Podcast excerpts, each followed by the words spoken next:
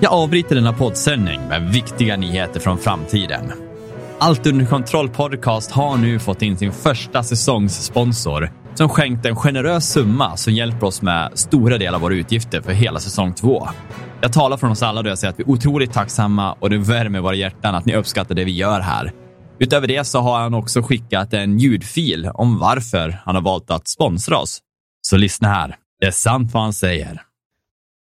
Hej allihopa! Mitt namn är Daniel, inte att förväxla med Daniel, en av era favorithosts från Allt under kontroll. För er som inte känner mig kallas jag P och jag har valt att sponsra säsong 2 eftersom det är mitt bästa ställe för nyheter, spelreviews och underhållning. Det är sant vad jag säger. I dagens avsnitt har David och Macke återigen en hel del att snacka av sig om. Är Playstation Plus det vinnande konceptet? Tar skiten runt Activision Blizzard aldrig slut? Har Rockstar Games mjölkar sin franchise ännu mer? Allt detta och lite till. Häng med!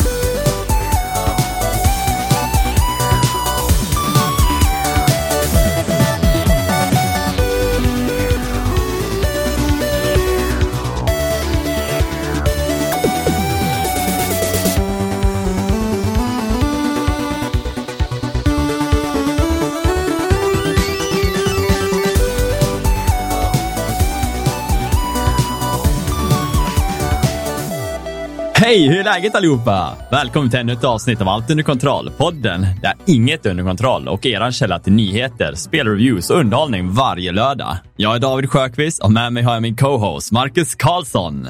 Yeehaw! Partner! Howdy partner! Tjena! Ja, som ni märker så avsaknar vi ju den eh, Tres Amigos. Ja. Mitt i flyttstäd och elände. När man blir frisk så ska han flytta, vet du. Han, det, är känns som han undviker något. oss. Ja. Nej, men eh, det här ska vi väl kunna hålla låda. ja, men det tror jag. Jag är eh, genuint nyfiken, för jag har inte hört dig, tror jag, sen... Förutom i helgen när vi Ja, just det. söp lite. Söp lite, ja. så vet jag faktiskt inte vad du har spelat eller tittat på. Nej, men vad roligt. Då uh, vill att jag drar igång, eller ska, vill du köra först? Ja, men ta pucken du. Ja, Jag tar pucken. Ja, men då kan vi väl börja med att uh, jag har faktiskt varit inne i ett spel som jag inte trodde jag skulle vara inne i. Och det är, hör och häpna, Elden Ring. Men jag har mest bara gått runt och mixtrat med mina vapen och späckat om eh, och bara testat saker. Jag har inte försökt köra liksom New Game Plus på någon ny nivå och ta mig vidare. Liksom. Det har varit kul, men jag känner också den här grejen att jag vet inte vad, om jag, vad jag vill upptäcka. Det är nästan så att jag ska gå in och söka eh, på bossar, eh, all bosses och så visar de locations, typ så. För att det är säkert någon jag har missat, men skulle vilja möta.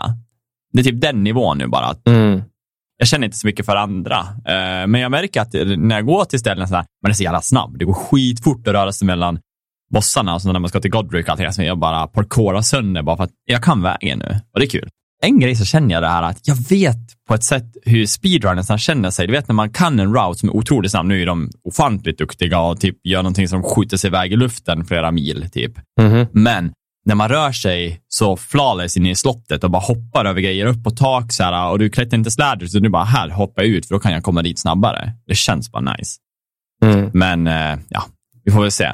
Det som jag faktiskt har spelat mest, det är faktiskt Ghostwire Tokyo. Jag stod liksom inför ett val där som bägge Ghostwire och eh, Tiny Tinas Wonderlands bägge släpptes den 25. Ja. Och jag har ju liksom mest pratat om Ghostwire Tokyo, men eh, jag hade så lite så svårt faktiskt där. Jag kan nu i efterhand säga att jag tror jag valde fel spel. Är det så? Eh, det, är inte, det är inte tråkigt, det är inte. Men det är inte heller så här, vad ska man säga, färgglatt. Man kommer från Elden Ring, ett väldigt punished, alltså du blir punished så fort du gör fel. Kombaten är liksom svår i soulspelen. Kommer in i ett spel som också ska vara lite kusligt med intryck av en svårighetsgrad, tycker jag i alla fall. Att man får känslan av att det här kommer ju vara lite tufft att möta de här demonerna. Alltså du förstår vad jag menar? Det är mörka creatures som kommer på dig. Liksom. Ja. Men jag känner inte att, jag valde ju inte Insane, den svåraste forskaren. Det brukar jag sällan göra i spel, för jag tycker att det inte är roligt att bli one-shotad heller. Alltså så här, det finns en gräns där. Liksom. Jag- Då väljer jag det näst svåraste oftast. Och det gjorde jag nu. Och jag är ungefär nio timmar in och känner, eller känner, jag har inte dött än. Och jag känner också att det är liksom så här. Alltså inte en enda gång? Nej, jag har inte dött en enda gång. Jag har inte känt att det var så här, det var en gång jag hade så här, var lite rädd, så här, shit, shit, shit, nu dör jag. För nu är man liksom lite rädd för att dö för, för att jag vill inte dö. Jag vill liksom kunna klara det här utan deaths. Men det, det också blir en avsaknad av att dö. Jag tycker inte om att dö, men när man har dött så mycket som man gör i Elden Ring, alltså det är flera tusen deaths, känns det som. Ja, Eh, när man tänker minst. tillbaka. Ja. Och problemet blir att jag kommer in i ett spel som jag inte upplever så svårt. Det är lite av en, en curse man får när man har spelat en, ett soulspel. Ja, men det pratade vi om förra veckan. Man jämför liksom svårighetsgraden så mycket. Liksom att eh, ah, det, där, det där var inte så här superutmanande och då är det inte så lika roligt. Men det är coolt. Jag tycker om spelet. För er som inte vet vad det är så det är ett action äventyrsspel som du spelar som först, alltså i första person. Uh, där du använder dig av typ stridsteknik som är typ lite magi möter säga, karate, liksom så här, eh, eller ja, någon typ av hur man gör liksom med sina händer, rörelserna, eller ser lite så här karate, jujutsu grej då.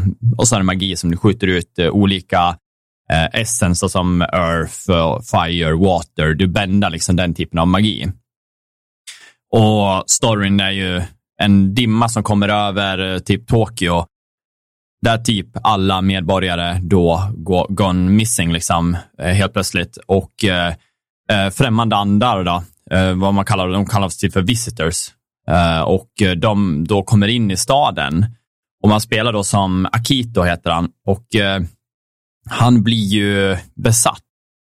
Han är en av de här personerna som bara faller ihop och ligger liksom livlös i början av spelet. Och det kommer en, eh, vad ska man säga, en ande som processar, eh, Akito. Han försöker bara ta en kropp och försvinna in i så att han kan vakna till liv, liksom, så att han kan livliga leva. Men det han inte vet är att eh, Akito då har mer livsvilja än vad han var beredd på. Och den här eh, anden, han då som processaren, han är, är en typ en detektiv kan man kalla det, som kallas för KK. Och eh, det blir ju liksom en grej då att KK kommer in för att han tror att han skulle bara kunna ta över den här kroppen. Att den andra har låg, hans själ typ är på väg att ge upp kan man väl säga då, så att han liksom tar eh, front wheel driving. Men problemet blir ju att Akito då visar mer viljestyrka än vad han var beredd på, så att han har svårt att ta förarsätet. Så det enda han kan göra är att dela med sig av sina powers typ. Och eh, då får du liksom den här magin och det här som du kan då vända för att du får ha den här själen i dig. Vilket jag tycker är ett, ett coolt koncept. Det är också roligt för man blir lite schizo. För man pratar ju med, alltså KK och man bygger ju liksom en relation. Han är i dig. Ni pratar med varandra. Du pratar ju högt och han pratar i din hjärna kan man säga då. Men det är lite så här charmigt. Jag tycker om den biten, liksom deras relation och hur de, vid ett tillfälle så tappar man varandra kan man säga då. Eh, eh, alltså han åker ut min kropp och du får liksom röra dig i staden utan KK, utan din magi och då får du liksom använda din pilbåge och sånt där ah, som du har fått tag i. Men det är inte lika starkt och kanske har lika mycket ammunition, så det blir lite svårare att ta sig fram. Du kan inte heller flyga, så här glida i luften och sånt där, utan du tappar typ alla dina förmågor ett tag. Och då får man liksom se den här hur mycket bägge behöver varandra. KK behöver någon att vara i, medan du behöver någon i dig för att kunna komma till ditt mål. Och storyn är ju rakt av att du eh, då vill komma och kunna rädda din eh, syster och slåss mot ja, de här mytologiska varelserna då. och eh, ja, med andra sägner. Då. Så det är typ från japanska folksägner de har liksom skapat det här spelet, så väldigt mycket av alla side missions man gör är baserade på ja, så här grejer som har gått igenom släkter. Liksom. Och så har de då bara tagit ihop en jävla massa sådana och så gör man små missions där du klänsar liksom, staden från eh, typiska andar som påverkar dina typ, livsbeslut. Det kan vara att en person du träffar, en själ som bara är där och han kan inte gå vidare förrän han fått ett svar på vad det är som har hänt. Och då kan det till exempel vara så, så simpelt som att eh, en tjej som står där och berättar att hennes pojkvän har tagit livet av sig, men hon kan liksom inte förstå varför. Och då blir man liksom guidad till en plats där pojkvännen tog livet av sig och så, så samlar man på lite så här, typ både bevis, lite så här detektivgrej, men samtidigt möter det en massa av de här eh, väsena då. Och i slutändan så kan man liksom hitta att det var en eh, typ av demon då som sätter sig på psyket på, hos folk och skapar liksom självmordsbeteende. Och när du väl har tagit självmord, då blir du också en sån där eh, demon. Så hela plats, arbetsplatsen har liksom blivit ett stort jävla självmordshus, hus, liksom där alla, det enda folk får på sig negativitet från andar runt om som de inte ser. Det är så skumt, men det är så mycket sådana här grejer från, ja, som är sägner från deras kultur, vilket också är roligt. Men spelet känns inte så läskigt som jag trodde. När man är ute i stan och sånt där, jag känner oftast att det känns lite tomt. Jag är dock bara på Chapter 3, jag vet inte hur många det är, men jag kan tänka mig att det är kanske är åtta. Jag upplever ibland när jag springer runt att det känns lite tomt och det visst är fränt att gå där. Men det är nästan side missionsen är ju inte superspeciella, men det är ju roligt för då kommer du in i hus och sånt där och rör dig in i, liksom, det är en loading screen och så kommer du in i liksom en egen sektion av spelet, inte ute i stan. Och där kan det kännas lite trångt och lite obehagligt. Där kan det liksom smälla upp saker och det, eh, grejerna förändras så här, och så bara, det blir lite mer pop, så jump scares i husen. Och det tycker jag nästan är trevligt. Jag gillar det. Jag gillar den här, för då får jag känna skräck. Det gör inget att spelet inte känns för svårt, utan då blir jag rädd också. Då får jag liksom det som en liten kaka. Att, oh gud, det där var lite läskigt. Och så kan man få lite panik när man jagar någonting som är starkt. Och du måste komma ihåg hur huset såg ut. När jag är i stan, då kan jag manövrera mig ganska stort för att det är så stora gator och det är jättemycket ja, små vet det, side streets du kan liksom gå in på och hoppa upp på tak och sånt där. Då. Men overall, jag har haft väldigt roligt, men jag tycker att det liksom avsaknar en viss charm som jag trodde att det skulle ha. Det var nog en högre svårighetsgrad. Just. Men eh, jag explorar så satan, eh, vilket kanske inte är så jättebra i en stad som är tom, så det blir också lite tråkigt där. Men overall, just nu kan jag ju säga, liksom, innan jag har spelat klart det, så kanske ligger runt 6,5-7 ungefär i points. För jag tycker ändå det, det är trevligt, det är kul på vissa sätt. Jag tycker om karaktärernas drag. Jag gillar ändå storyn i sig är skön. Man får bara inte släppa den för mycket. Jag går ju typ på alla side missions. Det kanske man inte ska göra, utan man kanske ska gå lite mer emot Men- storyn. Kommer du spela färdigt det? Ja, det- ja, det kommer jag. Ja, så pass roligt tycker jag ändå att det är. Jag är ändå intresserad av det tar vägen. Mm. Eh, det ska bli kul liksom, att se vad det en game twist är och hur det löser sig. Så att, eh, jag kommer absolut spela klart det. Nice. ett spel till som jag spelar. Och det här, det här är ju någonting speciellt där. 300 megabyte har det. Gratis på Steam. Spelet heter så lätt som The one who pulls out the sword will be crowned king. Jag såg det där. Har du spelat det? Ja, och jag satt 40 minuter och hade knappt fått upp svärdet, ja, kanske en femtedel av det jag ser av svärdet. Det själva grejen med det här spelet är så simpelt att du kommer in i spelet, det är online, du kanske är offline också, då blir det lättare, men man vill köra online. För det som är grejen är att det här svärdet sitter fast, exakt som eller, Lancelot, vet du, svärdet i stenen. Eh, och du lär sätta din mus på klingan där du ser. Och så lär du hålla in vänsterklick, dra musen uppåt och du får inte få ut muspekaren utanför svärdets kanter, för då resetar du. Då lär du dra musen uppåt och sen lär du retakea, men du måste hålla in vänsterklick fortfarande. Och så drar du musen uppåt, drar musen uppåt hela tiden, så länge du kan, eller så länge du kan, tills du har fått upp svärdet. Men twisten är ju att för varje person som har fått upp svärdet, då ökar tiden det tar för att få upp svärdet. Så den som senast drog upp svärdet är kung över spelet. Han ligger på topplistan. Liksom. Men nästa person som kommer på, han kommer behöva ta ett högre, alltså det, vad ska man säga, time limiten blir längre och längre. Alltså svärdet blir längre. Ja, kan man säga. Eh, Så tiden att dra en viss bit blir otroligt lång. Så jag testade för ett tag sedan igen och körde tio minuter, men då, kom jag, då har det liksom gått så långt på de här typ tre dagarna sen jag spelade sist, att på tio minuter kom jag knappt så att jag såg att jag hade kommit någonstans. Jag trodde att jag hade kommit någonstans. Jag bara, vad fan händer? Jag ser att det, liksom, det rör sig på något sätt, så här, att själva det flyger lite så här, ett ljud och att det flyger lite partiklar. Och jag släpper och så drog jag ut musen och så ser jag mini, minimal millimeter ser jag att svärdet bara, titt, åker ner igen. Jag bara, ja, nej, det här kommer inte gå. Men Mm. jag har ett mål att jag vill bli kung. En gång. Du har inte fått upp svärdet än? Nej, nej, nej, nej. 40 minuter, då var jag inte ens nära ju. Och då eh, orkade jag inte mer, för då hade jag suttit där. Jag- Och det blir bara längre. För varje person som tar det så blir det längre. Men hur kan du, kan du typ spara och gå ur? Eller om du, går, om du stänger ner spelet så får du börja om? Ja, Så fort jag drar ut muspekaren från, från grejen så då är det kört. Du lär ju sitta i några timmar då, nu, antar jag. Men det är fan ett mål. Ja, man får, man får bara en achievement Ja. om man blir kung. The King Alltså- eller någonting sådär. Ja. ja, det är lite löjligt. Men eh, Men en så simpel grej.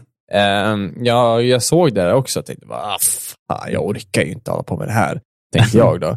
Det är inte värd min tid. Jag ska in och kolla hur... eh, Det funkar. Nej, jag ska kolla. Eh, vad heter det? The one who... The one who pulls out the sword will be crowned king. Är det så Ah, simpelt? det, det, det är 2800 som har gjort tumme upp. Det var det jag skulle kolla, så man får en, ett hum om hur många som har spelat det. Men det är ändå en del, för jag menar, det är ju inte alla som lägger en review. Nej, om man tänker så här då. Om 2800 har lagt en tumme upp Mm. och du vill säga 20 000 spel, men om 2800 pålägger en sekund per gång, om det är så det funkar, det blir ju bara där ganska mycket. ja. Tänk hur många minuter det är. Men det kanske till och med mer som har spelat och det kanske är mer tillägg per gång. Det vet man ju inte. Men nej, Nej. jag vet inte. Det skulle vara kul att vara kung en gång i alla fall och få bara achievementet. Ja, jag hade hunnit fått karpaltunnel innan jag var klar. så ja. Nej, men det är väl vad jag har spelat. Jag har inte tittat på så mycket faktiskt. Du då, Macke? jag gick och blev bonde i helgen. As you said. ja, jag eh, funderade, men jag funderade inte så länge och jag tog hem det. Ehm, eller så, det började så här, jag, jag, jag gick in på Game Pass och så hittade jag att Farming Simulator 19 fanns. Tänkte, Mm. Ja, men jag, jag lär ju testa. Bara för att få en feeling för det. Ja. Och jag testade. Och två timmar senare så hade jag Farming Simulator 22 i mitt bibliotek på Steam. Halleluja. Och nu 20 timmar senare av 22an så måste jag säga att det är, det är underhållande. Och det trodde jag ju inte. Fast jag hoppades ju. Och um, premissen är ju inte mer än, ja, du är bonde, du har en farm och du kan gro saker, typ. Mm, och du kan ha mm. djur. Eh, men djupet i spelet, man blir, blir man så överväldigad av. Bara man går in och det finns vad är det? 400 olika fordon av olika slag. Det är traktorer, det är skördetröskor, det är lastbilar och bilar och det är en och de andra och gaffeltruckare och höger och vänster. Jag vet fan ens var man ska börja och sluta. Ehm, och det, det är någonting med det som har en charm på något vis. Det är absolut inte ett snyggt spel någonstans. Det är dåligt optimiserat och laggar ganska ofta eh, Mm. när man gör saker. Och nu har jag spelat nästan enbart online med två polare och online, eh, alltså, online-stabiliteten är ju inte superhög. Nu är det Mm. visserligen, tror jag, peer-to-peer för att jag hostar och man kan, man kan hyra dedikerade servrar. Det tror jag absolut hade ökat stabiliteten. Mm. Och ta det här oss någonstans så kommer jag säkert fortsätta. Men det, det är bara någonting med det. Och, och Det är ju liksom så banalt som att man eh, och tar sin traktor, man sätter på sin harva, man åker till sitt fält och så harvar man.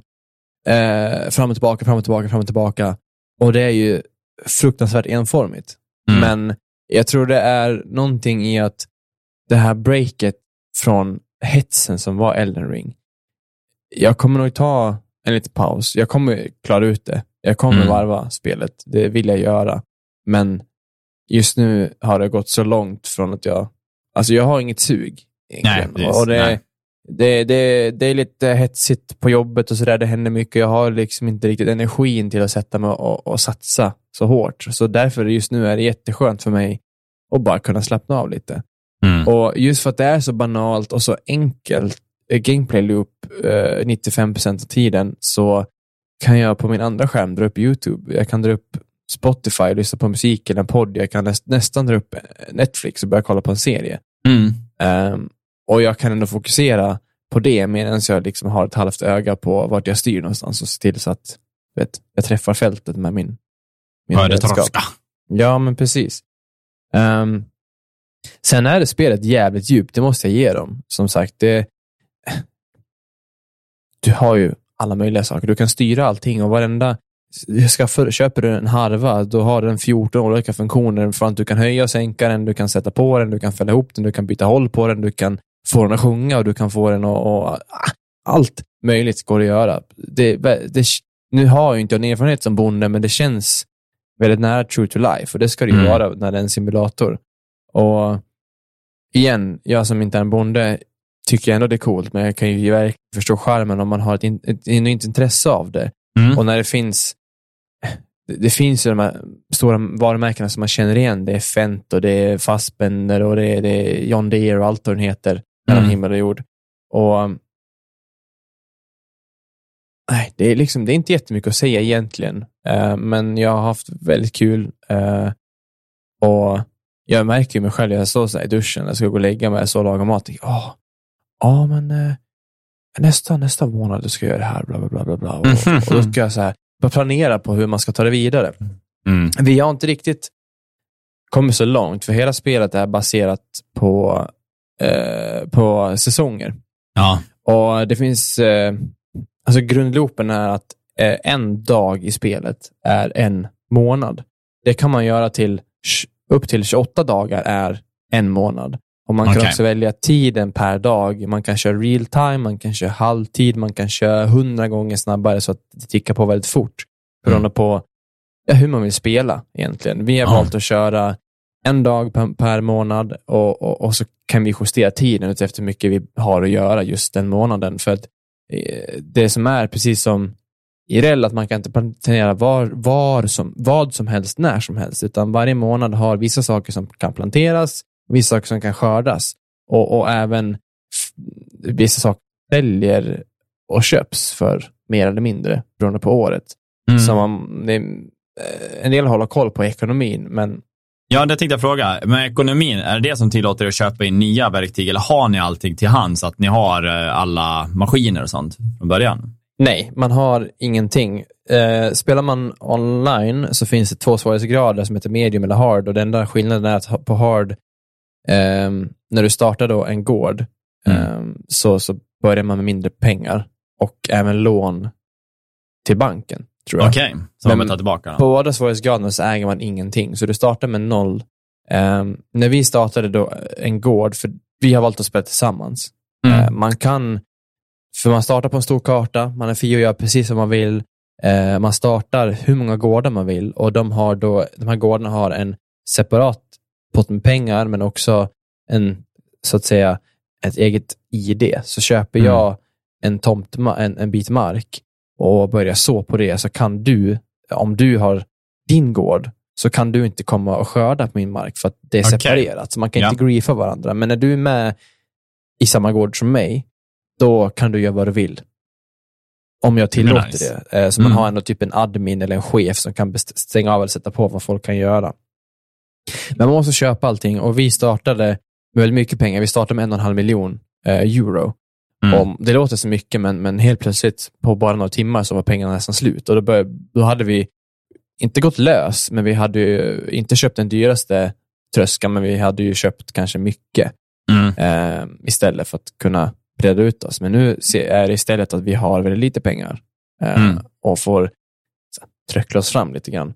Och vi har ju inte riktigt eh, liksom kommit där vi kan börja sälja några stora volymer och sådär för att vi fortfarande väldigt, vi äger väldigt lite land och vi har väl inte riktigt listat ut var pengar, eh, guldtackorna kommer ifrån så att säga. Nej, precis. Inte optimerat farmandet än. Nej, nej. Ehm. och eh, ja, men vi vill lära oss och det är kul som sagt. Och, och utöver det man har själv, där man har sin egen mark, där man, man gör precis som man vill på där man odlar. Eh, man odlar, man har djur eller man kan eh, vara skogshuggare. Man kan, ja, det är väldigt mycket man kan göra. Så kan man även göra jobb åt andra. Mm. Eh, Så det finns en, varje månad en uppdaterad lista där någon vill att ja, men, skörda min, min, eh, mitt fält, transportera veten till den här personen och sälj det. Så får man dels en summa för jobbet, men man får även pengarna Mm. för det man sålde. Och det är ju just nu vårt största sätt att få pengar.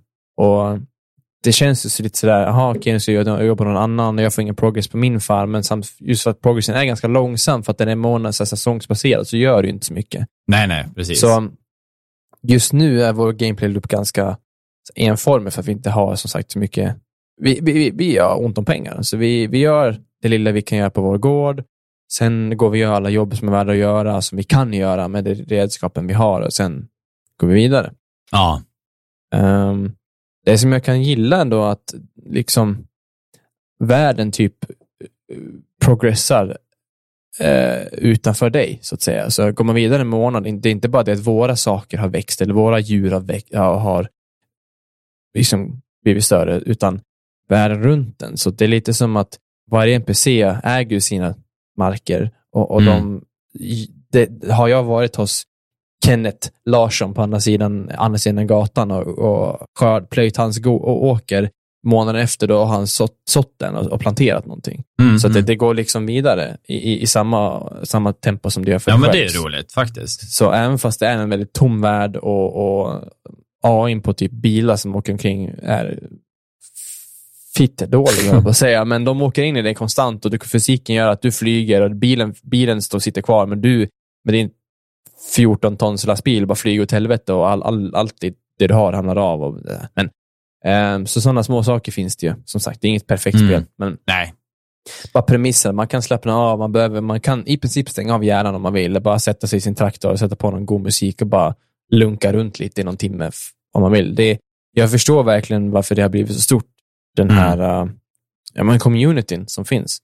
Mm. Även typ här Men alla simulatorspel, ja precis. Ja, men alla sim- så, så, lastbilssimulatorer, vilket i, enligt mig är bra mycket enklare. Det du gör, det är du kör bil från punkt A till punkt B Mm. och sen gör du det igen.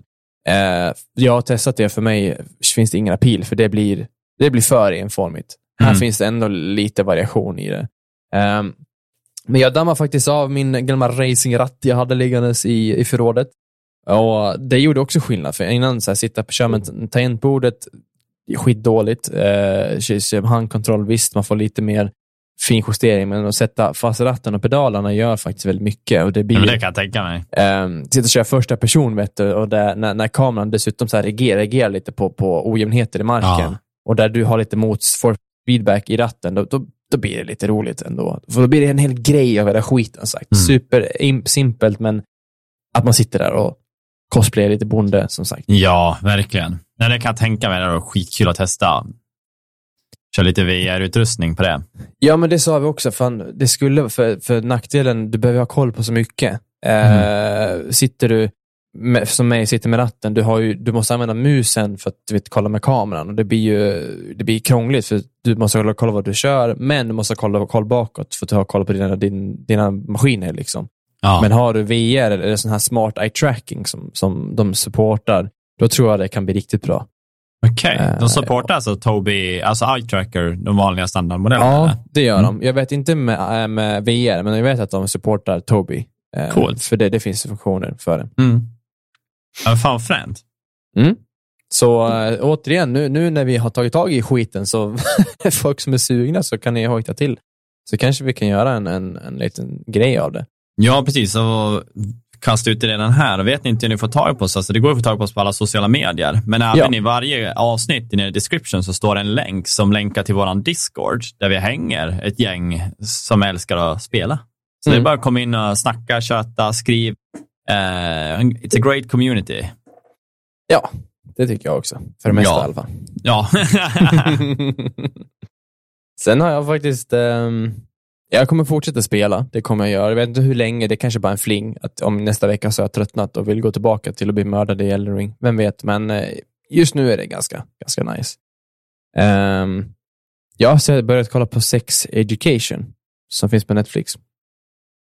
Och eh, jag trodde inget mycket om den. Jag har sett, den, det, det, är ingen superny serie, men den har något år på nacken. Men eh, jag har aldrig så lagt någon, något, något öga på den, för att det har sett ut som vilken annan tonårs high school drama komedi som helst. ja. Och det är det. Det är en dramakomedi som kretsar kring eh, ett gäng elever på en, eh, eh, en högskola, eller en high school, college, vad det nu är. De är en gymnasie, ett, ett svenskt gymnasie i, Ja.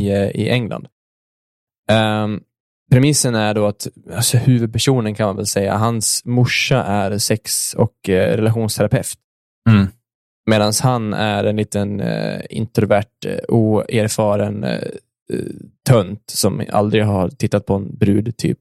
Mm. Men han, eh, tillsammans med den coola bruden, coola läskiga bruden i skolan, startar en, en sexrelationsklinik så här, on the side i skolan.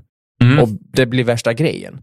Och, och, och han har ju koll, för han, är ju, han, han, han har snackat med sin morsa och hon är ju så superanalytisk och han blir superanalytisk. Och, nej, jag vet inte, eh, frånsett att det är en, eh, som sagt, en Cookie Cutter High School-serie Ja, så tycker ja. jag den är jättebra. Och Den är inte jättebra i bemärkelsen att det, att det är en djup story som i typ Game of Thrones eller Breaking Bad eller sådär, där det finns så, så jävla mycket att ta på, men den är bara väldigt enkel att titta på. Jag tycker Mm. att relationerna, personerna är väldigt bra skrivna och tar man, igen, det finns den här Cookie Cutter, eh, bögkompisen, men det är inte bara att han är en bögkompis, för det finns djup bakom honom, för han har problem med sin familj, han har, han har liksom saker runt om sig som, ehm, som skapar djup i karaktären. Och det finns den här, igen, cookie cutter mobbaren. Men, men han är mobbare på grund av att hans pappa är likadan och det finns väldigt mycket djup kring honom och, och, och problem för honom. Så det, Mm. det, är så här, det, det visar en, ty, så här, en tydlig, tycker jag, ganska verklig bild att folk utåt kanske har ett perfekt, jättebra liv, men, men så, här, så får man faktiskt väldigt många karaktärer gå in och se vad som egentligen händer. Mm. Och, och det, det, det, det tycker jag är en, en väldigt intressant take på det. Jag har sett en och en halv säsong snart och det finns tre. Det kommer en fjärde i sommar.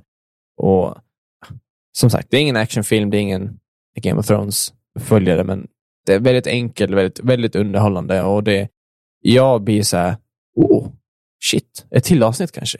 Mm. Jag blir ändå fäst på något vis. Och det, Ja, men roligt. nyligen såg jag ju, Arcane hade jag samma känsla. Arcane var, var ju svinebra på ett annat sätt. Mm. Ehm, och Witcher hade inte riktigt det där suget. Det såg Nej. jag klart bara för att se klart det, men det här har ändå det här, ja, vi kollar. Bästa är när man har den grejen, ett Ja. avsnitt till Mm. och sitter, alltså det kan bli sent på kvällen bara för att jag måste bara se ett till. Och ett till blir till för att det är alltid så här, åh, vad Det händer nu ju tar det alltid vidare. någonting, Ja. precis. Ja. ja, det är så jävla suveränt. Mm. Men kul. Hade ingen aning om, jag tror inte att jag har sett den serien. Alltså, Nej. Nej, men det är så, här, så det kommer inte vara för alla. Jag, jag, jag tjötar lite om det här med, med, med Sebbe, min ungdomskompis. Han, han kommer aldrig kolla på den och han hade aldrig tyckt om den, för att för honom är det ju, det är för, för mycket cookie cutter. Han behöver Ja. någonting djupare, någonting mer annorlunda än vad det egentligen är. Men så är man någon som bara gillar, överlag gillar en, en bra underhållande serie, som ger den en chans. Ja, alltså det är ju de där äh, serierna ibland som man kanske inte förväntar sig som ska vara så bra, som kan Mm. vara bara antingen underbar eller bara trevlig att se för att vissa har man förväntningar på. Vissa är alltid Mm. och det här kommer vara en bra serie. Man har för, det är liksom förväntningar här uppe. Mm. Sen finns det de här som glider förbi som, till exempel för mig som är Space Force. En serie som eh, egentligen jag inte tycker så jäkla bra. Jag tycker inte den är så välskriven. Men det är en av de bästa serierna att trycka på när jag inte har någonting att se. Jag tycker det är kul att kolla två avsnitt eller tre, liksom så här att jag bara drar några. Och Ja. Den är bara skön. Det handlar inte om att den är bäst, men den är skön. Ja, Jag, jag älskar en sån att varva med. jag tål inte Space Force. Jag har visserligen bara sett ett avsnitt. Mm. Men jag tycker den försöker för mycket att vara rolig på något vis. Ja, Och- men vi sa det alltid med Steve Carell är med. Ja, jag tänkte, för det är synd, och Steve Carell är ju rolig. Jag älskar Ja. The Office. Jag älskar hans Evan det allsmäktige och han, för många filmer han gör. Mm. Men just Space Force, jag fick bara en dålig vibe på första avsnittet. Det kanske Ja. pickar upp, det gör det säkert. Men, men, Men, men just, det, det gör egentligen inte det heller. nej. Det, alltså, den, den är okej, det är det. Den är inte bäst, men jag kan, jag, på något sätt så tog jag mig vidare ja, från första avsnittet. Mm. Men det blir liksom bara, som sagt, trevligt att se. Jag har inte så höga förhoppningar på varje avsnitt, men ändå kan jag tycka, haha, så skrattar jag lite för att ibland kommer de här komiska, Ja. när de träffar rätt. Liksom. Men jag tänker hålla med dig också, att de försöker ju väldigt mycket. Och där, Mm. liksom, hm, ja, det är okej.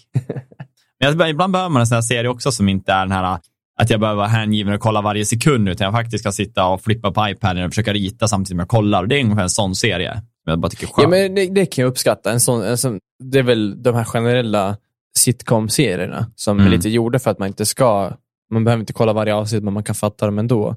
Mm. Ehm, det hade man nog kunnat gjort med, med, med exemplet Sex Education också. Man hade typ kunnat ändå se ett avsnitt, kanske med lite hjälp av så här, ja, men vem är det där, vem är det där, men, men Ja. man behöver inte veta allting bakom, men det gör ju väldigt mycket. För men det att finns nu- ett djup som du säger. Ja, men precis. För nu sitter jag så här och liksom hoppas att det som man vet kommer hända, hoppas att det händer. Liksom. Men, Mm. men det allting runt om bygger ju väldigt mycket. Sen tror jag mycket av hypen kommer runt om att just att det handlar om sex. Och sex säljer ju, det vet alla.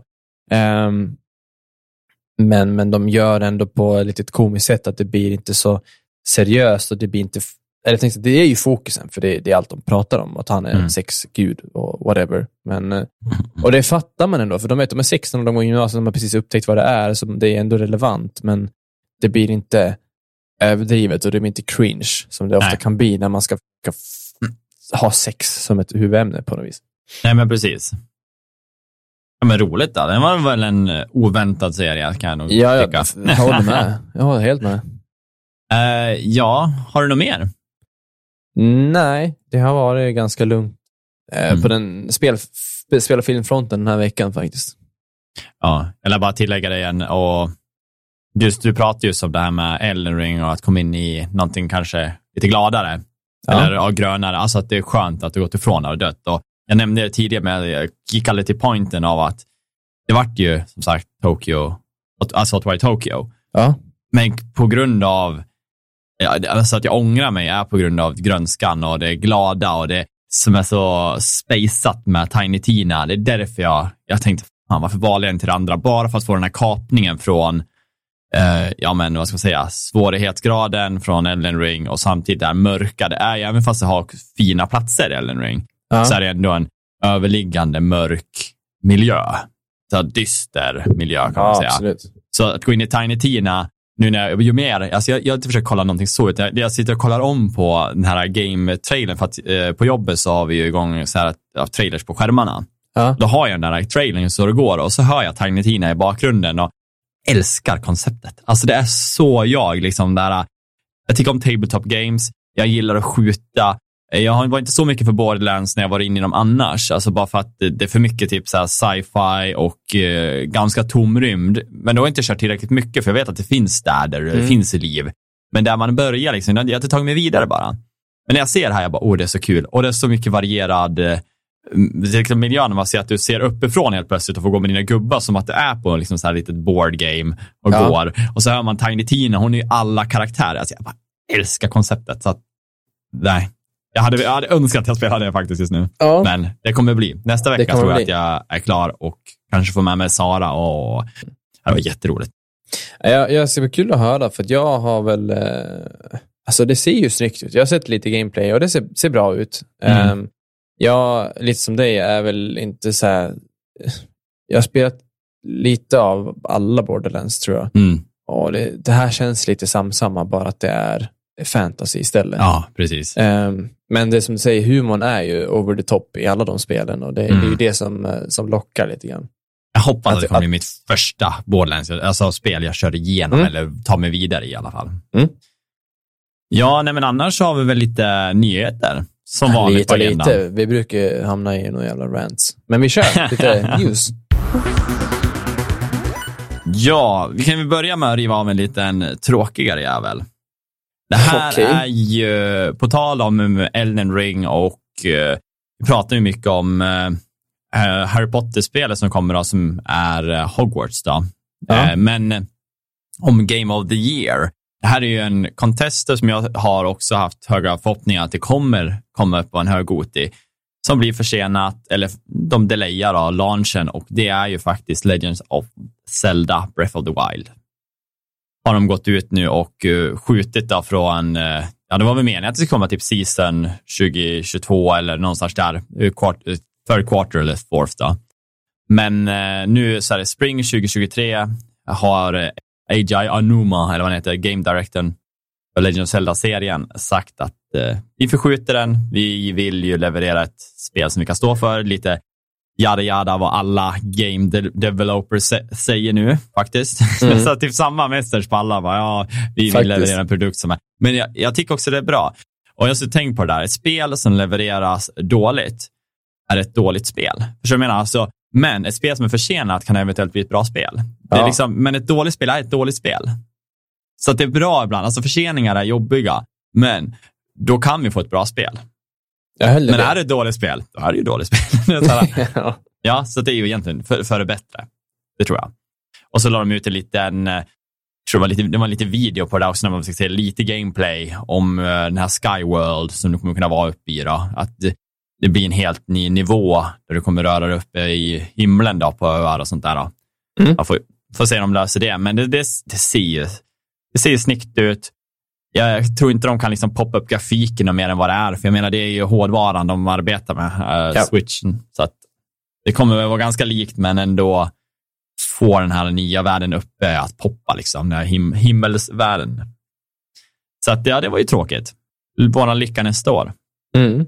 Jag bara håller tummarna att de löser Ja, alla precis. knutar. Ja, verkligen. Men jag tror att de, de vill bara liksom fine-tuna, vad jag får känslan av. Och jag tror också att launchen av Elden Ring fick dem inse att du, vi kanske ska kasta in mer. Alltså, sett hypen av ett open world-spel som Elden Ring har levererat. Bara Mm. du, fan, ska vi inte ta ett notch till, liksom, där eller där? Jag, alltså jag kan lova dig, nu, nu de närmaste åren så kommer vi så, se så många Elden Ring-kopior. Stora öppna världar med svår kommande Combat. mycket exploration. Men Ja. jag har ju svårt att se att någon kommer naila det på samma sätt. Och det, var Ja, lite, så- det blir samma sak med Dark Souls.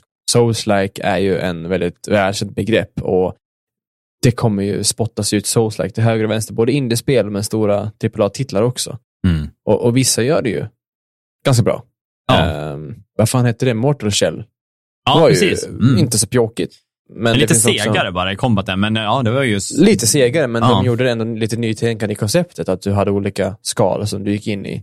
Mm. Ehm, men ja, det finns också många floppar. Du och jag eh, och Daniel har ju sedan länge praisat Game Pass väldigt högt. Jajamän. Och det är många som gör det. Och Sony har ju suttit och skruvat och tänkt och fan, vad gör vi då? Vi lär ju ha någonting som är bättre än Game Pass.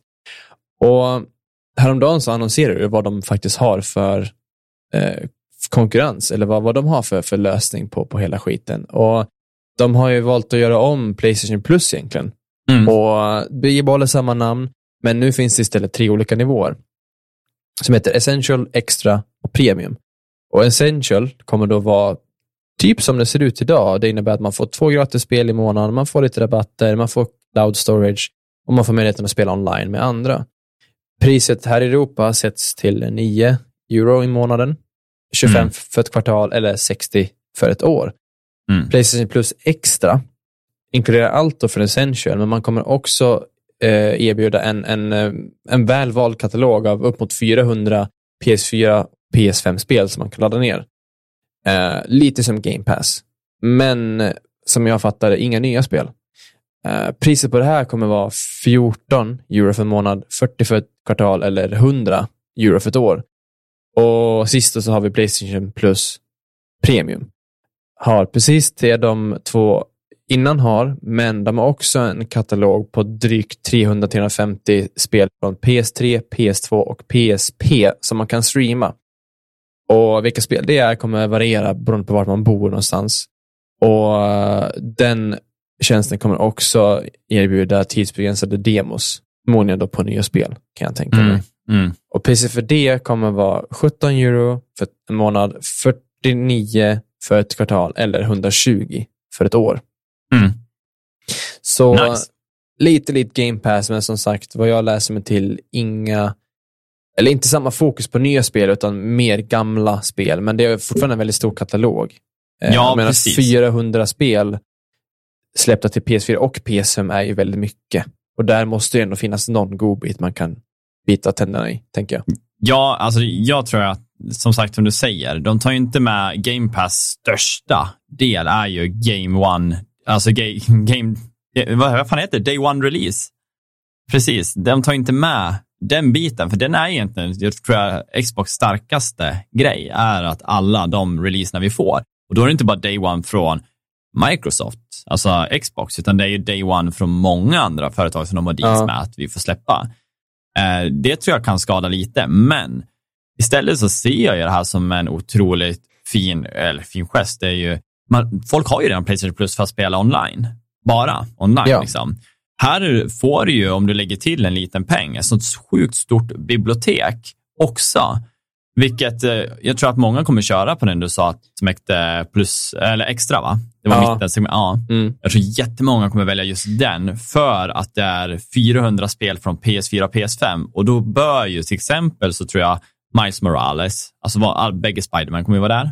Ganska garanterat. Ja, men säkert. Alltså, många Sony-klassiker från Ja. deras studios kommer garanterat finnas där. Ratchet and Clank. Ja.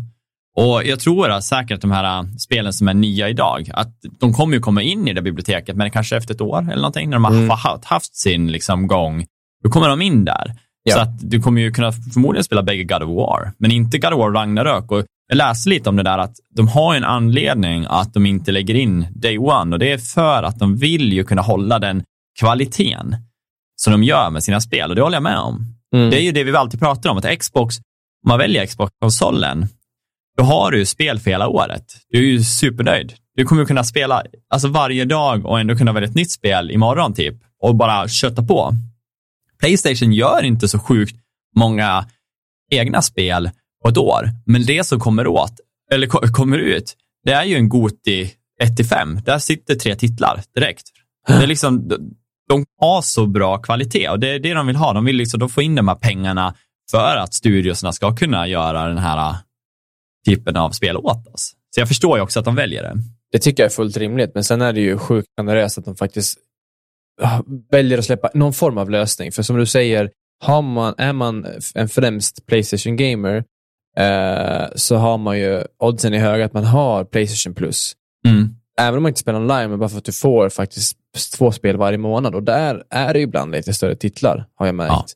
Ehm, men sen även om du spelar online, så bara för, för ja, men, 30-40 spänn extra i månaden som de flesta har råd med, så, Mm. så har du helt plötsligt, boom, 400 spel du kan spela. Du behöver, igen, som du säger, där har du ditt spelår klart om du Mm. inte vill köpa något mer spel. För 1000 spänn på ett år, som idag nästan är priset för ett Playstation-spel. Ja, Eh, faktiskt, nya PS5. spel på, på PS5, om du köper dem digitalt, ligger nu på 845 kronor. 150 till, ja då får du 400 spel istället.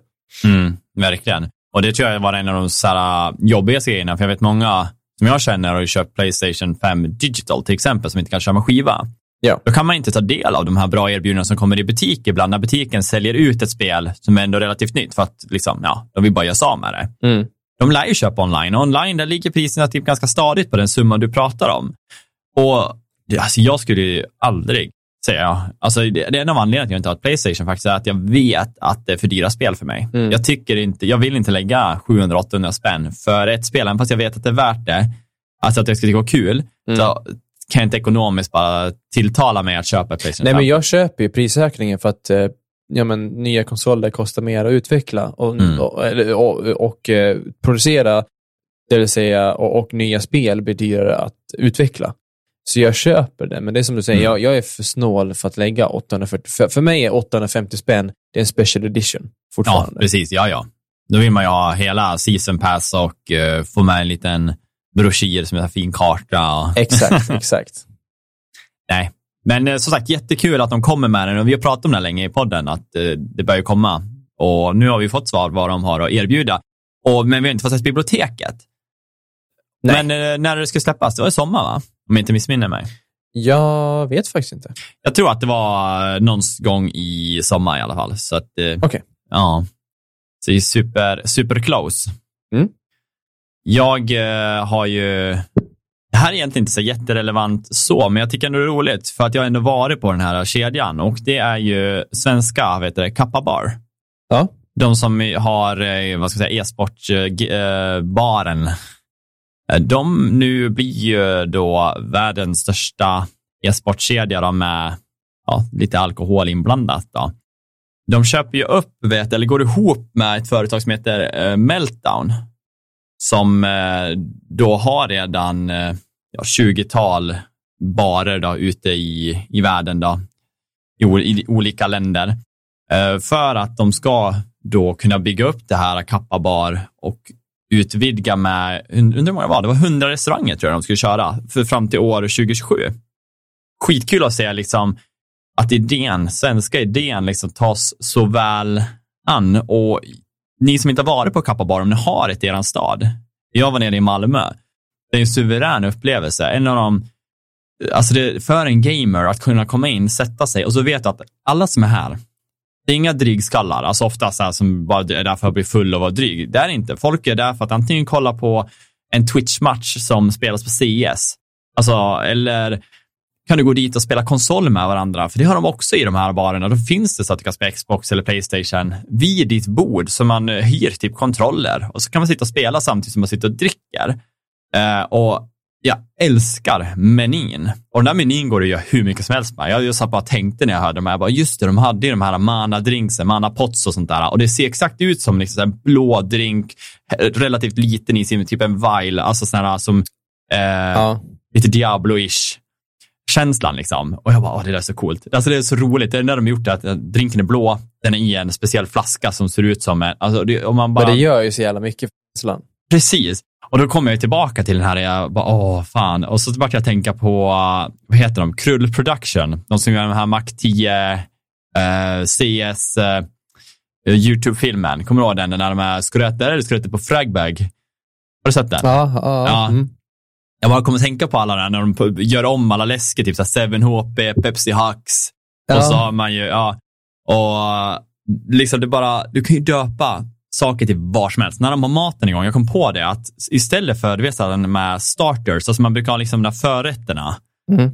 Men det är bara kul, du kan ju bara döpa dem till Pokémons. Alltså såhär starter Pokémons, det är starters. Det är ju Bulbasaur, Charmander eller eh, Squirtle. Alltså, Det är ju skitsmart. Ja, men hur mycket som helst. Du kan ju bara ta från spel var som helst bara lägga in och det bara funkar.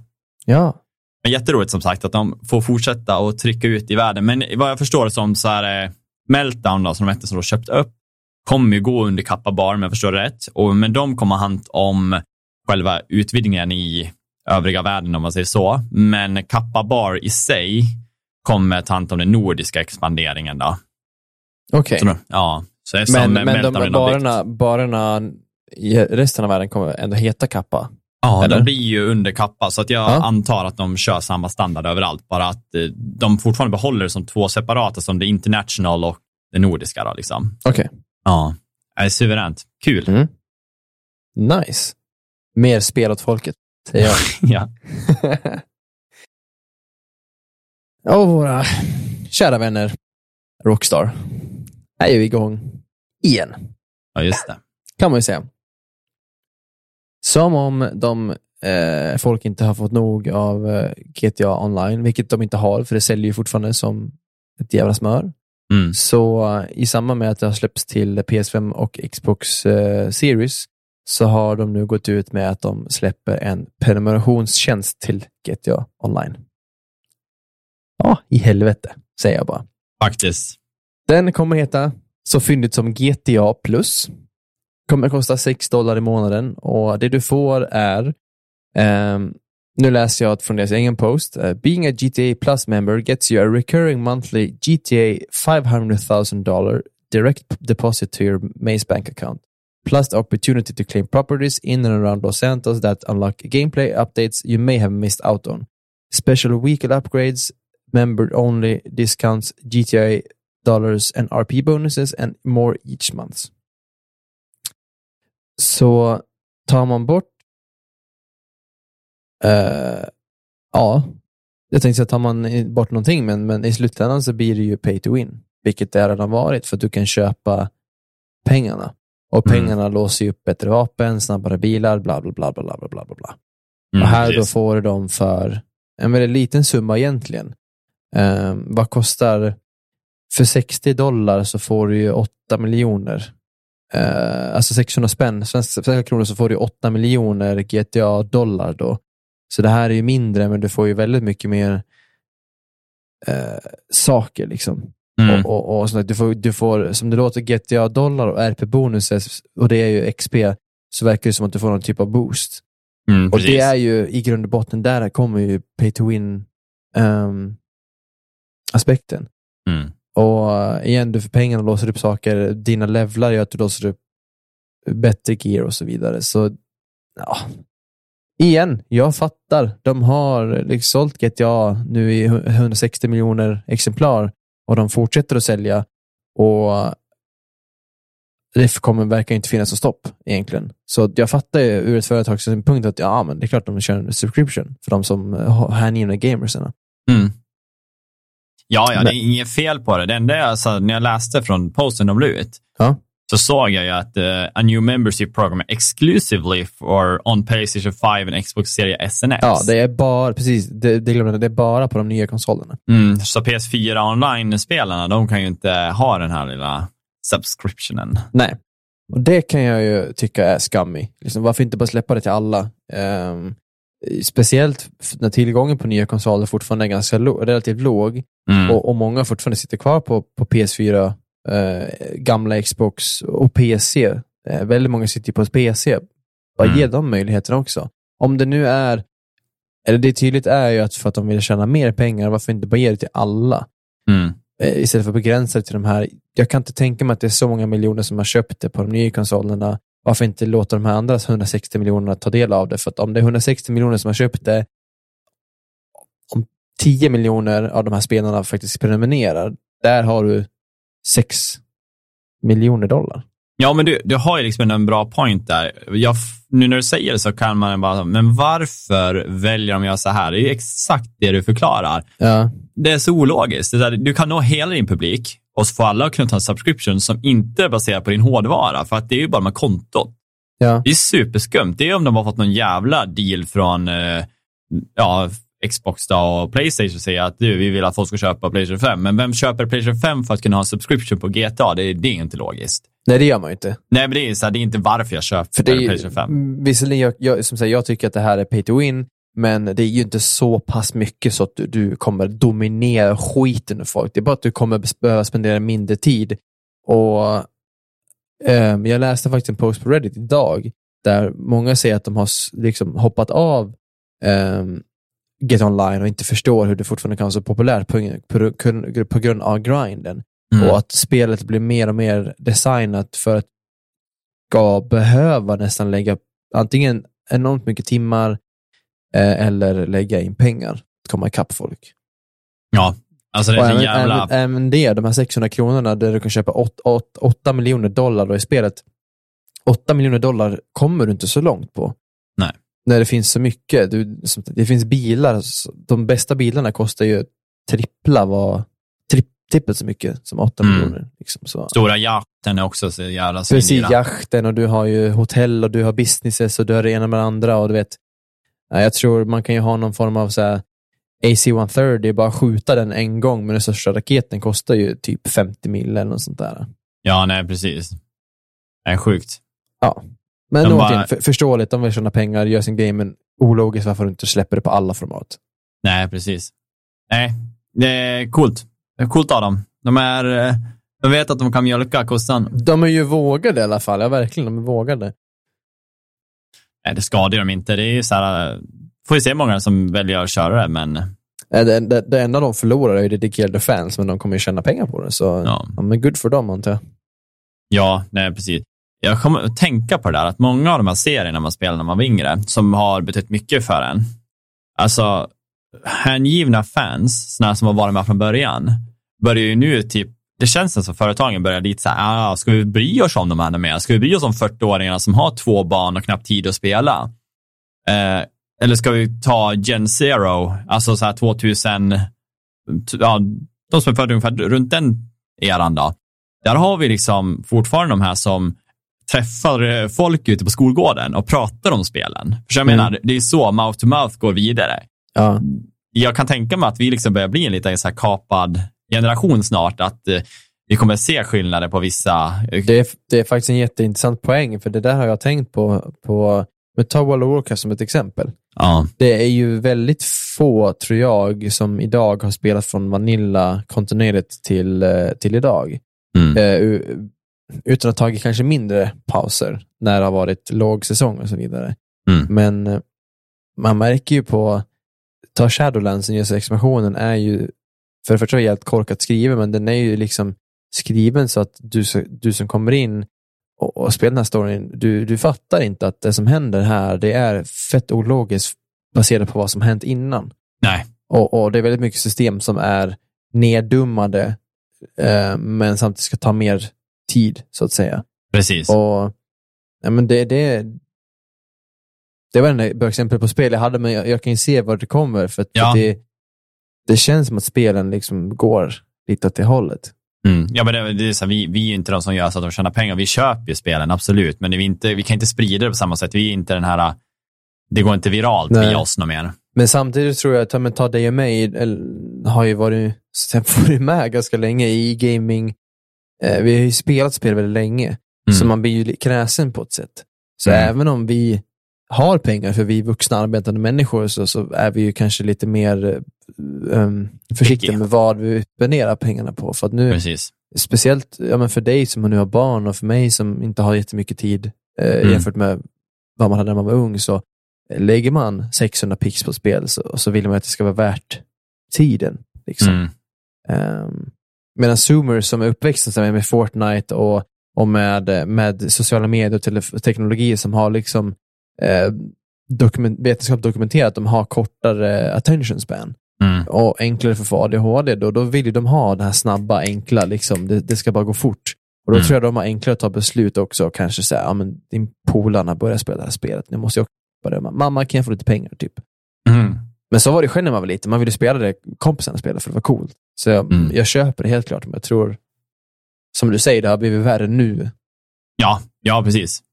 Nej, men det var en jätteintressant observation. ja. Men eh, på tal om eh, någonting som är lite eh, säga kontroversiellt, någonting som gick lite bananas eh, mellan communities. Det är ju, nu har ju eh, Halo-serien då börjat gått på, uh, vilken tjänst är det som kör den? Det är väl eh, Paramount. Paramount, va? Ja, Paramount Plus. Precis. Och det har ju varit ju en jävla grej det där med att eh, Master Chief efter 50 minuter på första episoden gjorde en face reveal. Så tidigt. Ja, det är så typ alla skriver och folk är ju så här, "Ah, men jag kan inte göra så där. För folk jämför det typ med Mandalorian som tog ja, lite mer än en säsong, eller om det var precis slutet av första säsongen, typ åtta avsnitt. Jag tror det. Och jag kan ju hålla med, det bygger ju en suspens. Vem är karaktären jag tycker om så mycket där under? Alltså lite den känslan, vem är den här badassen? Det, för mig så är en face reveal någonting stort. Alltså det är någonting så här, är, man, jag tar inte lätt på det, så jag kan tänka mig när jag ser att jag också kommer lite, hmm, jag kanske var för tidigt. Ja, men just Master Chief är ju också sån ikon i att inte visa sig. Det är ju flera Mm. gånger i spelen där de har teasat, okej nu kommer det. Mm, Och sen typ byter kameran scen eller de kuttar bort det eller med blackscreen eller någonting. Så precis. det har ju lite blivit en meme, så att säga. Eh, Eller ett inside joke att Master Chief har inget ansikte. Nej, det är ju de som spelat spelen. Vi har ju den tanken. Det är som i, när man spelar, eh, jag tror det är Halo 4, och man klarar ut det på, eh, jag tror svåraste svårighetsgraden, vad blir det då? Är inte det Legendary? Ja, precis. Då får du ju, först i början så får man ju se en som alltså ung, när den är en pojk. Liksom. Mm. Men det har ju inte med hur han ser ut idag.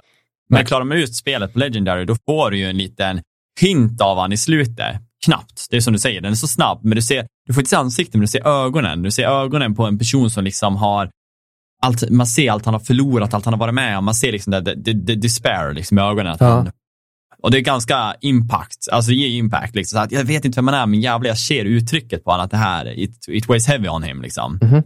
Eh, men sen finns det de andra, de som är hängivna fans som verkligen säger, jag du, jag är lite större än dig. Jag läser serietidningarna. Alltså de, det som har kommit ut med alltså, olika tidningsgrejer från Halo. Mm. Eh, där ska han ju enligt eh, ja, folk som jag suttit och läst, att han visar ansikte relativt ofta i tidningar. Ja, så att det är liksom bara egentligen vi som är i spel som blir lite, nej, nej, nej, nej, nej, nej. Wrong face. Gatekeeping. Ja, men precis. Så att eh, tydligen så går man in i det så ska det, är det inte så speciellt som man tror. Då. Men samtidigt så, hela serien är ju inte ens uppbyggd efter spelen riktigt heller. Om man förstår vad de har pratat om med studion och det, att de har knappt kollat på spelen. De har liksom utgått från ja, vem man är och lite principer, men inte gått in på loren från spelen och så. Så att, ja, man får väl ta det som ta det som det är helt enkelt. Men jag tycker att en face reveal är någonting spännande. Eh, och verkligen med typ Mandalorian. Jag satt ju verkligen så här, vem fan är där under? Mm. Och det var coolt. Det är coolt när det blir så, men eh, nu vill jag ju se vem det är också. Jag har inte kollat upp hur han ser ut heller. Så jag tänkte jag ska se första avsnittet för att se vem det var som skådespelare i alla fall. Ja. Jag tror inte så jättemycket på den här serien om jag ska vara ärlig. Nej, jag har som sagt heller inte hört supergott om den. Och jag tror Ja. inte jag kommer titta på den heller. Nej, jag såg ju någon gamla B-film förut gjort av någon jävla, eh, det var några ungdomar som hade gjort som, det såg så jävla b ut. Och jag, just nu, det ser okej ut, det jag sett på trailern, men jag tycker också det ser lite ja, plastigt ut. Inte så mycket påkostat när man är, och återigen, man går till liksom de här serierna som man har sett nu, Mandalorian, eh, Boba Fett, man, man har sett kvaliteten som finns att göra med både designen på bakgrund, men även mat- alltså de har på sig med rustningar, vapen, det ser så både ikoniskt ut men samtidigt riktigt ut. Det ser så Mm. slitet och men när man ser på det, man bara, ja, det där ser lite så här för sprayat, målat ut. Att det är Ja. någon så här, ja, teaterkulissgrej bara. Så här, men vi får se. Kanske blir skitbra, men eh, jag vill se skådespelarna i alla fall. Vem de har valt. Vem är Master Chief? Vem är Master Chief? Man trodde ju att eh, blåsvädret hade släppt lite, för, eller lugnat sig för Activision Blizzard. Men icke sa Nicke. De har nämligen åkt på en tillstämning. Åh nej. För samma saker, sexuella trakasserier och diskriminering. Den här gången är, eh, är det en kvinna som inte har eh, stämt själva företaget. Hon har stämt fem specifika namngivna personer på företaget. Mhm. Och eh, personen i fråga är då, eh, hon har jobbat där sedan 2017 och när hon började som assistent för ledningsgruppen på IT-avdelningen så menar hon att på att hon flertalet gånger har blivit utsatt för sexuella närmanden av sina chefer. Eh, Allt från att de har tagit, tafsat på henne, de har kysst henne där hon inte vill eh, och de har försökt få henne till att tacka ja till gruppsex. Och till detta då kommer ju hämndaktionerna från när hon rapporterade det här till presidenten, J. Allen Brack, eh, dåvarande chefen för eh, Activision. Mm. Och, um, eh, så hon, hon rapporterade för vad som hade hänt och när hon då försökte ansöka för en ny tjänst i november förra året eh, så blev hon nekad efter hon hade, hon hade öppet talat på en presskonferens i december eh, när allting det här hände. Mm. Och då menar hon på att det är på grund av att hon har talat ut. Okej, ja. Och Tråkigt. hennes mål är skadestånd och ett föreläggande som tvingar Activision att avstå från skiljedom, vad det nu betyder, vid sexuella Ja. och anspråk på könsdiskriminering. Och hon vill då att de ska implementera en roterande personalavdelning för att förhindra de här konflikterna Mm. som, eh, som kommer. De, de kräver också att en, en extern, neutral firma eller byrå ska anlitas för att implementera en policy mot eh, hämnd. Då för att det det hon har råkat ut för. Okej, så på, på grund av att hon inte får en ny tjänst är mer hämnd. Ja, hon menar ju på att det är hämnd för att hon Mm. då gick ut och sa det här. Eh, Ja. Men sen allt som har hänt mot henne, om det har hänt, det är ju hemskt i sig. Eh, har ni inte följt med i historien och alla avsnitt vi hade i, i höstas och förra sommaren så har ju Activision flertal gånger blivit stämd där eh, de, det är många kvinnor som har gått ut och sagt att de blivit eh, sexuellt trakasserade och diskriminerade. Bland annat där, där många chefer har gått runt och varit väldigt ofta haft fester och varit full på jobbet och de har tar på dem, de säger saker, de tvingar dem till att bla bla. Så här, det, det är väldigt mycket eh, hemska grejer som har hänt. Och det här var en lång härva och de är som sagt stämda för det ena med det andra av många olika, även jag tror Kali- staten Kalifornien har stämt dem och även privata aktörer har gått in och, och, och öppnat, öppnat fall mot dem. Mm. Och det här är nog ingenting som kommer ta slut på ett tag. Och Activision har inte gjort det värre, för att dels har de, de att inte prata om det. De har, efter att de är åtalade, så har de gått in och förstört alla dokument vidrörande eh, anklagade personer på firman för att då röja bevis om dem, som antagligen finns dokumenterat. Ehm, den nuvarande presidenten, eh, Bobby Kotick, just det, så här, Bobby Kotick eh, sägs ju veta om om inte allt, men det mesta som har hänt och kan även vara delaktig i vissa av sakerna, och- men har ju inte då gjort någonting med det. Nej. Ehm, så det är en jävla härva, som sagt. Och man trodde ju den hade dött ut och de håller på att reda ut saker, men så kommer det mer saker. Mm. Ja. Nej, det är tråkigt, men eh, det är också bra att det uppdagas. Så att, eh, Ja. Det någon gång blir slut på det. Jag hoppas att eh, liksom det mesta är löst när eh, hela transaktionen från Microsoft tar över, att det faktiskt det mesta är löst. Sen tror jag inte folk kommer anklaga Microsoft, för de var inte delaktiga i början. Nej, men, Men eh, det, det, det har vi diskuterat, att frågan är vad Microsoft faktiskt gör, för att Microsoft som företag är väldigt inkluderande. De är väldigt neutrala, de är väldigt ehm, Ja, men de är väldigt måna i alla fall om att visa upp att de, de dels inkluderar kvinnor, de inkluderar LBTQ och de inkluderar folk av andra identiteter i sina företag på högt uppsatta positioner. Mm. Och eh, skulle de då, när de tar över Activision Blizzard, inte göra någonting, det lyser ju inte väldigt gott för dem Nej, nej. egentligen. Men eh, oddsen är ju stora att eh, Bobby Kotick ryker, de omorganiserar hela Activision Blizzard, i alla fall liksom, jobbdelen av det och, Ja. och kolla lite på, på, på jobbetiken och så vidare. Ja, men precis. Det där kommer att bli skitbra sen. Det tror jag. Eh, ja, en liten nyhet då. Och det är ju nu... Ja, när var det då? September den eh, 28, då kom det ju, då kom ju New World. Som var väl... eh, ja, ett, Ja, det ett jävla spel. det spelet fanns. Och det gick bra för dem. Man var väl uppe med nästan en eh, 900 000 eh, spelare liksom online samtidigt. Och fick skapa mer servrar. Sen eh, nu ligger de nere på 4 av det där eh, värdet. Eh, Vilket är nog kanske ett av de största spel, alltså droppen, skulle jag kunna tänka mig, i, spel, alltså i spelvärlden. Så mycket har inte ens WoW liksom förlorat over the years. De har ju ändå, så att det var ju verkligen en fluga. Men de har ju gjort upp en ny liksom roadmap och vad de ser fram emot att få implementera under 2022 och nu kommer ju idag då när vi spelar in den 30 mars, så kommer en stor faktiskt patch med hundratals förändringar och en ny storyline som kommer in med ja, quester och sånt. Då. Eh, och massa fixar på vapen och nya vapen tillkommer OSV. Så det är ju roligt att se om det är en sån här klassisk, som vi pratade om, Final Fantasy comeback, att de, det här tror jag dock är väldigt, den är stor, men det är för lite för att folk ska komma tillbaka. Man kan Det inte tror bara jag ge in en questline för att folk, eh, om man tänker på hur spelet är uppbyggt så är det så mycket farming och det är så mycket grinding.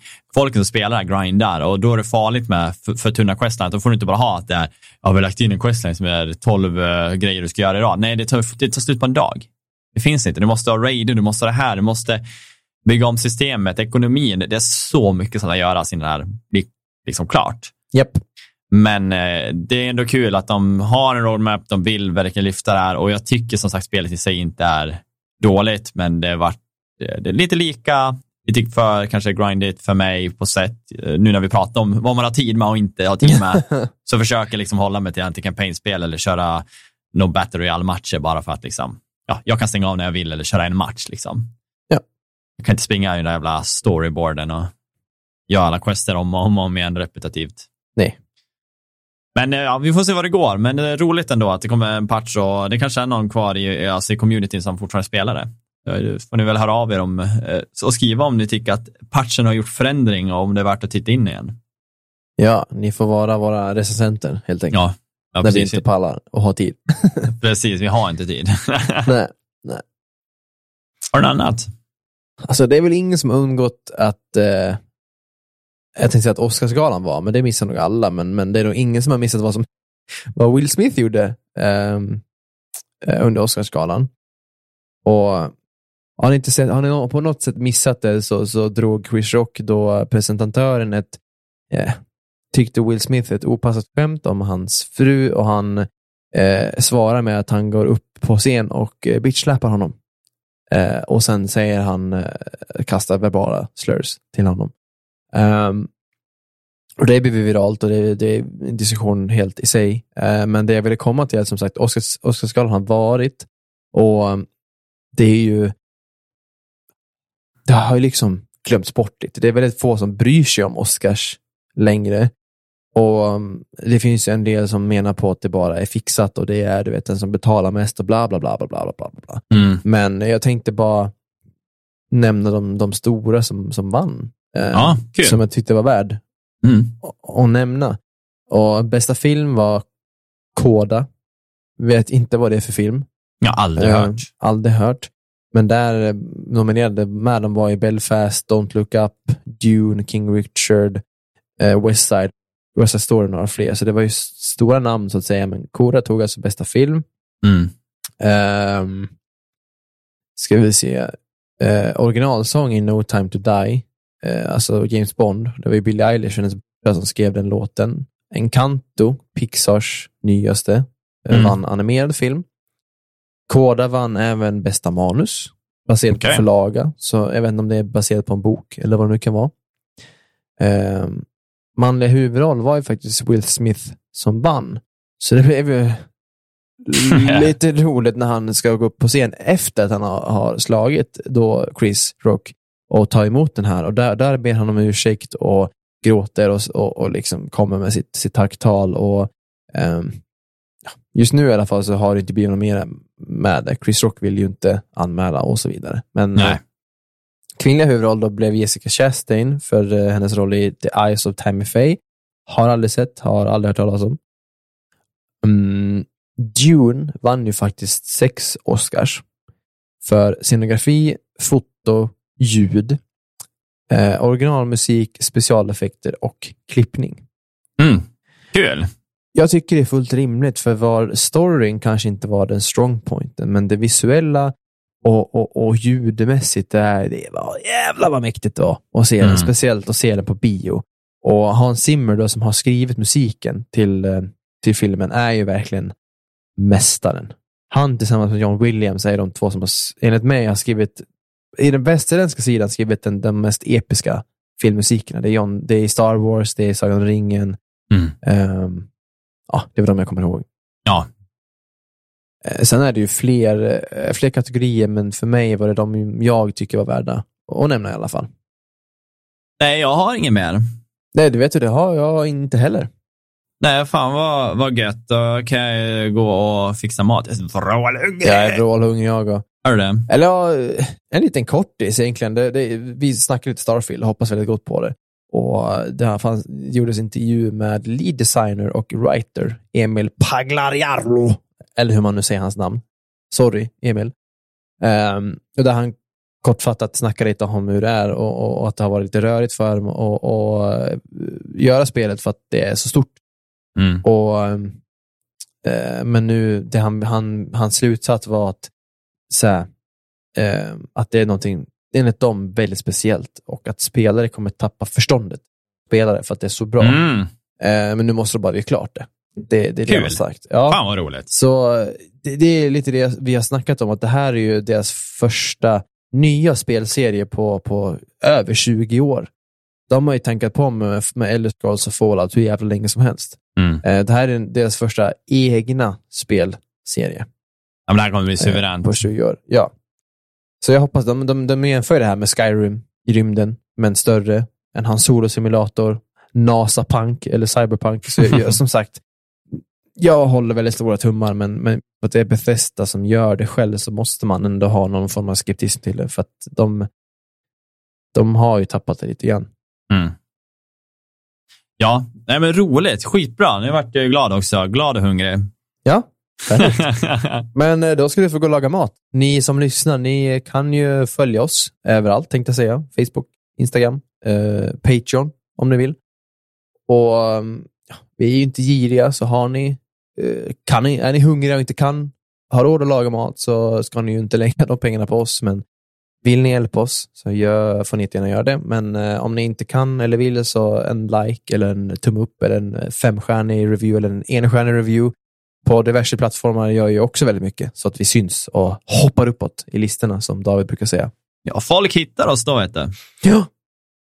Ja, vi, vi, vi märker att sen får vi lite in- interaktioner på avsnitten så gör det skillnad och de avsnitten där ni har varit inne och, och eh, plippat och ploppat lite så de, de, de når ut till fler folk som vanligt, vanliga fall kanske inte lyssnar på oss. Så det är jättekul.